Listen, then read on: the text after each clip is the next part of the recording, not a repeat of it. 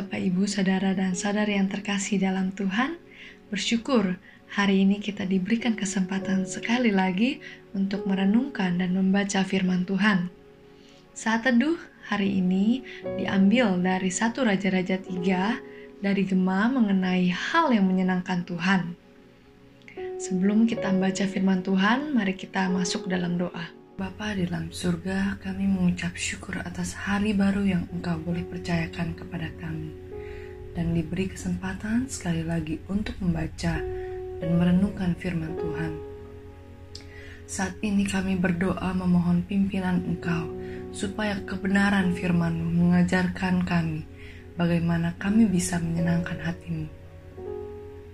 Tuhan Yesus, Engkau bicara kepada kami melalui firman-Mu, kami serahkan waktu saat teduh kami ke dalam nama Tuhan Yesus, kami berdoa. Amin. Bacaan dari satu Raja-Raja 3 dimulai dengan pernikahan Salomo dengan anak Firaun yang membawanya ke kota Daud.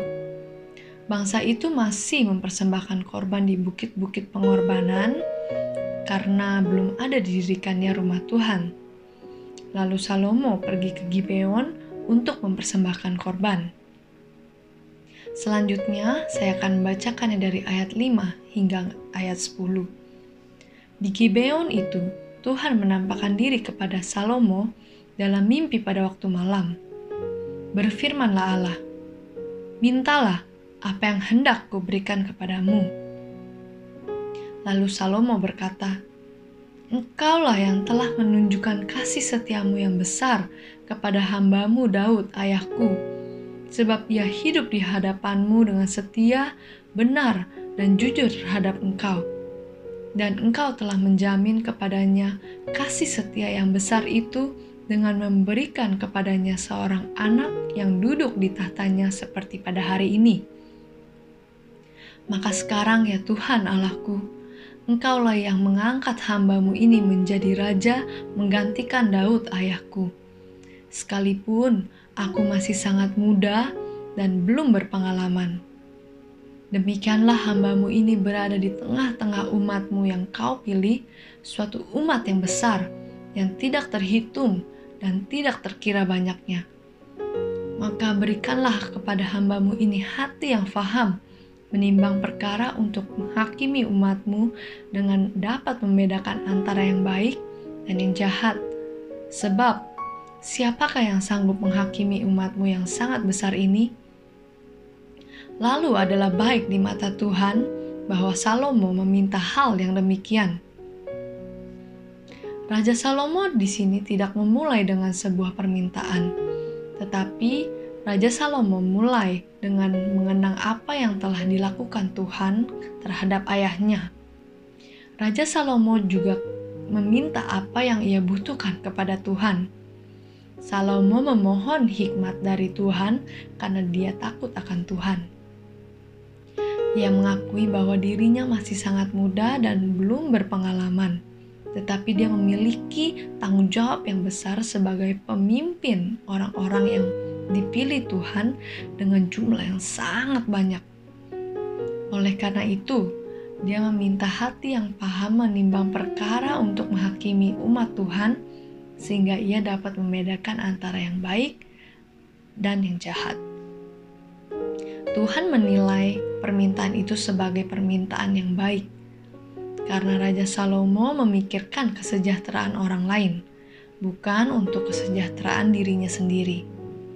Tuhan senang terhadap permintaan Salomo, sehingga permintaan tersebut bukan hanya dikabulkan, tetapi Tuhan menambahkan berkat yang lain. Allah berkenan ketika orang percaya dengan sungguh-sungguh mencari dan memohon hikmat rohani dan hati yang paham. Kiranya kita juga belajar untuk tidak menganggap enteng apa yang sudah Tuhan percayakan untuk kita Hal yang lebih membuat Salomo gentar adalah kalau Tuhan tidak berkenan apa yang dia kerjakan. Salomo menjalankan semua itu untuk Tuhan. Tuhanlah yang harus kita senangkan. Memohon kepada Tuhan agar kita bisa diberikan bijaksana dan hikmat untuk mampu menimbang dengan tepat apa yang harus kita lakukan untuk Tuhan. Siapa yang sanggup dengan kekuatan sendiri untuk menyenangkan hati Tuhan? Yang merasa dirinya tidak sanggup, biasanya dialah yang akan mencoba dengan cara terbaik untuk mengerjakan bidangnya dengan sebaik mungkin. Kita belajar dari Raja Salomo. Kesungguhan hati Raja Salomo untuk mengumpulkan bagaimana menjalankan panggilan dari Tuhan, inilah yang membuat Raja Salomo sadar bahwa dia perlu hikmat dari Tuhan. Tuhan sangatlah murah hati. Dia ingin memberi kita berkat saat berdoa. Apakah saudara dan saya selalu minta hal-hal yang memuliakan dan menyenangkan hati Tuhan? Misalnya dengan mendoakan orang lain yang kita kenal, yang tidak kita kenal, yang sedang susah, bergumul dalam dosa, putus asa, sedang dianiaya, atau juga kita mendoakan hamba Tuhan, saudara seiman kita, dengan keluarga kita.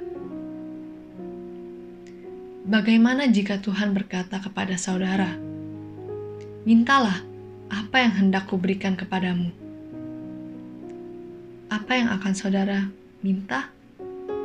Apa tujuan doa saudara? Tujuan doa adalah untuk memuliakan Tuhan.